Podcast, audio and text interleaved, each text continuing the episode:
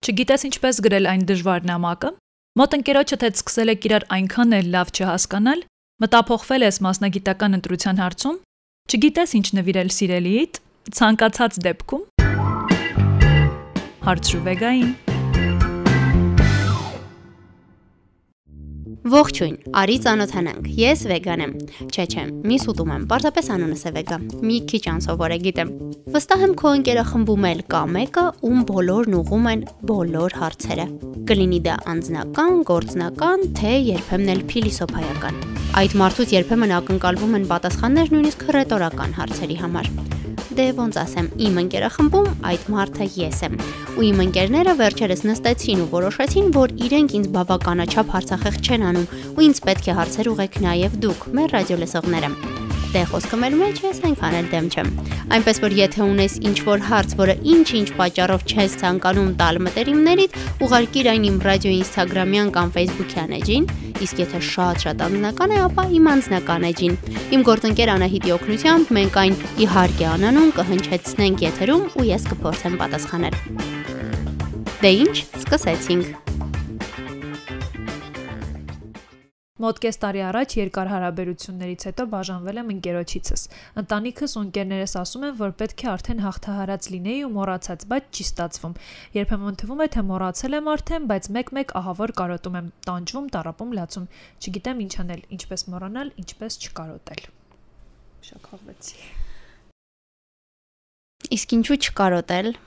Կարծում եմ պետք է վերապրել։ Ցանկացած էմոցիա պետք է վերապրել։ Նախկինում ինքս շատ հաճախ փորձում էի սپانել էմոցիաները, ինձ շատ ուժեղ պահել, ինքս ինձ կարծես թե պարտք էի ուժեղ լինել, բայց հետագայում հասկացա, որ միևնույն է այն բոլոր էմոցիաները, որոնք մենք չենք ապրում ու չենք վերապրում, ինչ որ մի օր պարտադիր դուրս գալիս են։ Հետևաբար ես առաջարկում եմ հոգեբանին չդիմելու համար այդ ընթացքում ապրել այդ էմոցիաները։ Այո, կարծում եմ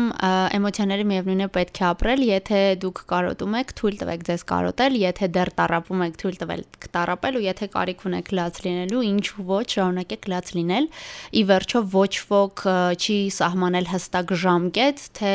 որքան է մեզ պետք ինչ որ բան սքալու համար, հա, կլինի դա մեր անցած հարաբերությունները, թե ինչ որ մեկի կորուստը։ Հստակ ժամկետ չկա, ձեզ մի ճնշեք եւ խոսեք ձեր հարազատների հետ, խնդրեք, որ իրենք իրենք նույնպես ձեզ չճնշեն, որովհետև դա ձեր իրավունքն է։ Ինչ անել, երբ սկեսուր մայրիկս անընդհատ այնպես է անում, որ ամուսնուս հակոստներն ինքը ընտրի։ Առավոտ շուտարտնանում արագ-արագ արթուկում է, որ ամուսինս էլ ստիպված դա հակնի։ Քանի անգամ զգուշացրել են, որ հանգիստ քնի, ես կանեմ, կամ ամուսինս կորոշի, կասի այդ ժամանակ թող արթուկի գոնե, բայց մեկ է, էլի նույն պատմությունն է։ Մի բան էլ նեղանում է ու ասում, որ մեզ լավություն է անում, իսկ մենք անշնորհակալ ենք։ Ես ունեմ հրաշալի առաջարկ։ Իսկ ինչ եթե ամուսինն ինքը ընտրի ինչ ակնել։ Կարծում եմ դա կլինի լավագույն լուծումը։ Ի վերջո ենթադրում եմ, եթե ամուսինն է, պետք է որ արդեն չափահաս լինի եւ կարծում եմ ինքնուրույն կարող է որոշել ինչ հակնել։ Երբեմն մենք աղջիկներս շատ ենք կենտրոնանում ոչ միայն մեր արտակինի, այլ նաեւ մեր զուգընկերների արտակինի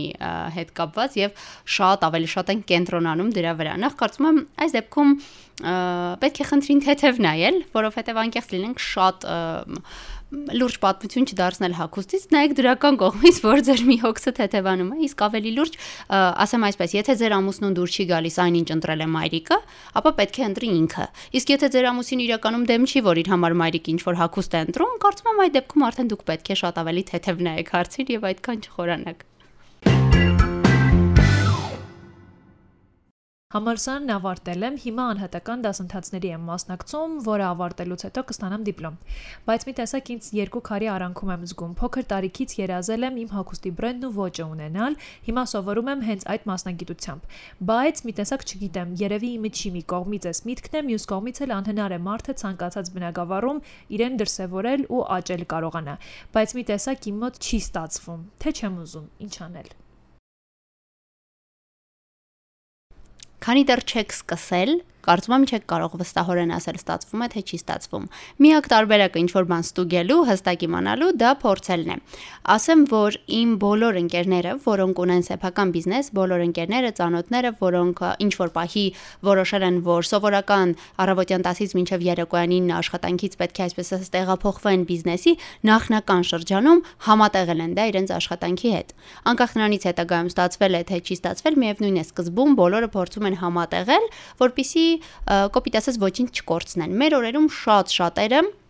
Ես կասեի մեծամասնությունը. Միանգամից մի քանի ոլորտ համատեղում են եւ հիմնականում դա չի խանգարում, որովհետեւ կարծում եմ տեխնոլոգիաների զարգացման զուգընթաց մենք նույնպես այսպես ասած շատ ավելի բազմաֆունկցիոնալ ենք դարձել եւ պետք չէ ինքներս մեզ հետ շատ խիստ լինել ու ստիպել մեզ հենց հիմա կատարել ընտրություն։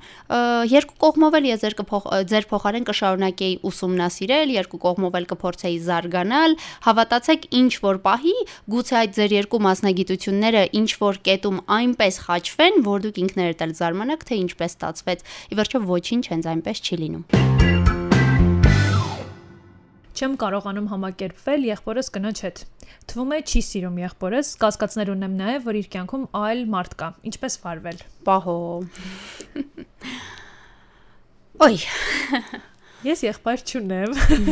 Ես եղբայր չունեմ։ Խոսում ենք ընտանիքի մասին, եւ կարծում եմ որևէ դեպքում չպետք է թույլ տալ, որ ինչ որ կասկածներ հանկարծ վտանգ հանդիսանան ընտանիքին, ընտանիքի ամբողջականությանը։ Եթե դրանք պարզապես կասկածներ են, որոնք որևէ հիմնավոր սկզբնաղբյուր չունեն, ապա այդ կասկածները թող մնան այնտեղ, որտեղ ցակել են ձեր գլխում։ Այդ մասին բարձրացնել կարծում եմ պետք չէ։ Մենք գործ ունենք ուրիշ մարդկանց հարաբերությունների, ես հասկանում եմ, որ ձեր եղբայրն է եւ այս պահին ուրիշ բառը ձեզ շատ կվրթովեցնի, երբ լսեք պատասխանս, բայց այս դեպքում գործ ունենք այլ մարդկանց հարաբերությունների հետ, որտեղ ես կարծում եմ ոչ մի դեպքում ներխուժել չարժե, դուք չգիտեք այնտեղ ինչ է կատարվում, եթե նույնիսկ ձեզ թվում է թե գիտեք։ Իսկ սիրում է թե չի սիրում այնքան դժվար է կողքից հասկանալը։ Հավատացեք, շատերը վստահ են լինում, որ իրենց սիրում են, երբ իրականում նման բան չի լինում եւ հակառակը դուք երբեք չեք կողքից նայելով որոշել ով է ում սիրում եւ ով ում ոչ։ Ձեր փոխարեն, քանի դեռ չկան հստակ հիմքեր, ես ոչ մի դեպքում որևէ բան չէի նախաձեռնի։ Ի վերջո հիշեք, որ Գախնիկները երկար պահել հնարավոր չի լինում, ամեն բան մի օր parzվում է եւ եթե դուք կարծում եք, որ ձեր եղբոր կինը իրեն չի սիրում եւ առավել եւս որ ինչ որ մեկը կա, հավատացեք մի օր այդ մասին բոլորդ կիմանաք, գուցե հենց եղբոր կնոջ կողմից։ Իսկ քանի դեռ դա զուդի ընդհանրություն է, դուք որևէ բան անել կարծում եմ ոչ կարող եք, ոչ էլ պետք է նախաձեռնեք։ Սիրում եմ եղբորս ընկերոջը, բայց ինքը ինձ որպես քույր է սիրում, ինչ անեմ, ասեմ իրեն թե չէ։ Շատ դժվար իրավիճակ է, կարծում եմ։ Չէ, յուզի ձեր փոխարեն լինել, եթե անկեղծ։ Օհ, ինչպես պատասխանեցի նախորդ հարցի դեպքում, երբեք չես կարող իմանալ դիմացինի զգացմունքները, Դուք նույնպես կարծում եմ երբեք չեք կարող հստակ իմանալ, թե ինչ ձևով է հատկապես ինչ որ մեկը ձեզ սիրում։ Գուցե հիմա, գուցե չէ, հաստատ հիմա մի փոքր ռիսկային կհնչի, բայց ես միշտ սիրո կողմից եմ եւ կարծում եմ, որ եթե ինչ որ մեկին սիրում եք, նրան այդ մասին պետք է ասել։ Հնարավոր է, որ դրանից հետո ձեզ վրա զայրանա ձեր եղբայրը։ Հնարավոր է, որ դրանից հետո ընտանիքում փոքրիկ սկանդալ հասունանա։ Հնարավոր է, որ ձեր սիրտը կոտրվի, որովհետեւ դուք parzvi որ ճիշտ եք ու այդ տղան ձեզ չի սիրում։ Հիմա ինքնդ ձեզ պետք է հարց տաք. արդյոք ձեր սերը այնքան մեծ է, որ արժե այդ ռիսկերին դիմել, եթե ձեր սերը այդ այդքան մեծ է, ապա պատասխանը միանշանակ այո է ասել։ Եվ ի վերջո կարծում եմ, որ մենք մեր չարացների համար միշտ ավելի շատ ենք փոշմանում, քան արածների։ Իսկ ինչ եթե մի օր ետ նայեք ու մտածեք, որ այ եթե ես նրան ասեի, որ սիրում եմ, գուցե ինչ որ բան այլ կերպ լիներ։